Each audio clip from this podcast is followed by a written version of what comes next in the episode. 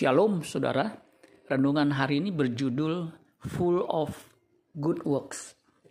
Kisah para Rasul 9 ayat 36. Di Yope ada seorang murid perempuan bernama Tabita. Dalam bahasa Yunani Dorcas. Perempuan itu banyak sekali berbuat baik dan memberi sedekah.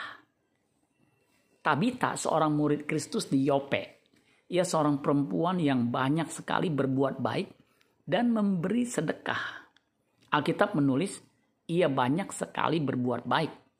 Menurut New King James Version, dikatakan, This woman was full of good works and charitable deeds. Wanita ini penuh dengan perbuatan baik dan amal. Terjemahan lain mengatakan Tabita selalu berbuat baik dan menolong orang miskin. Kisah para Rasul 9 ayat 36 versi mudah dibaca. Di kota Yope tinggal seorang pengikut bernama Tabita. Dalam bahasa Yunani disebut Dorcas. Artinya kijang.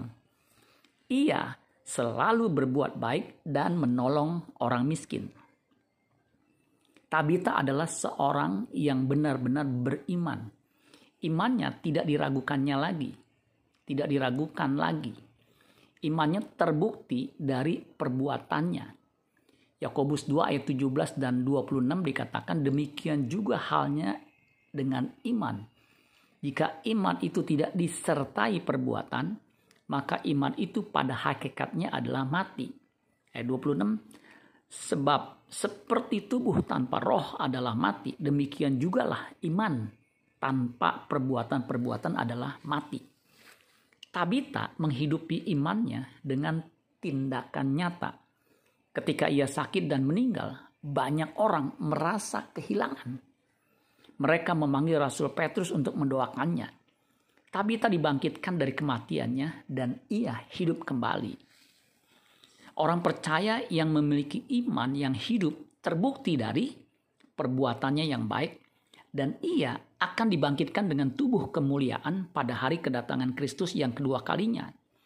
1 Tesalonika 4 ayat 16 dikatakan sebab pada waktu tanda diberi yaitu pada waktu penghulu malaikat berseru dan sangkakala Allah berbunyi maka Tuhan sendiri akan turun dari sorga dan mereka yang mati dalam Kristus akan lebih dahulu bangkit. Jadilah murid Kristus yang penuh dengan perbuatan baik. Amin buat firman Tuhan. Tuhan Yesus memberkati. Sola Gracia.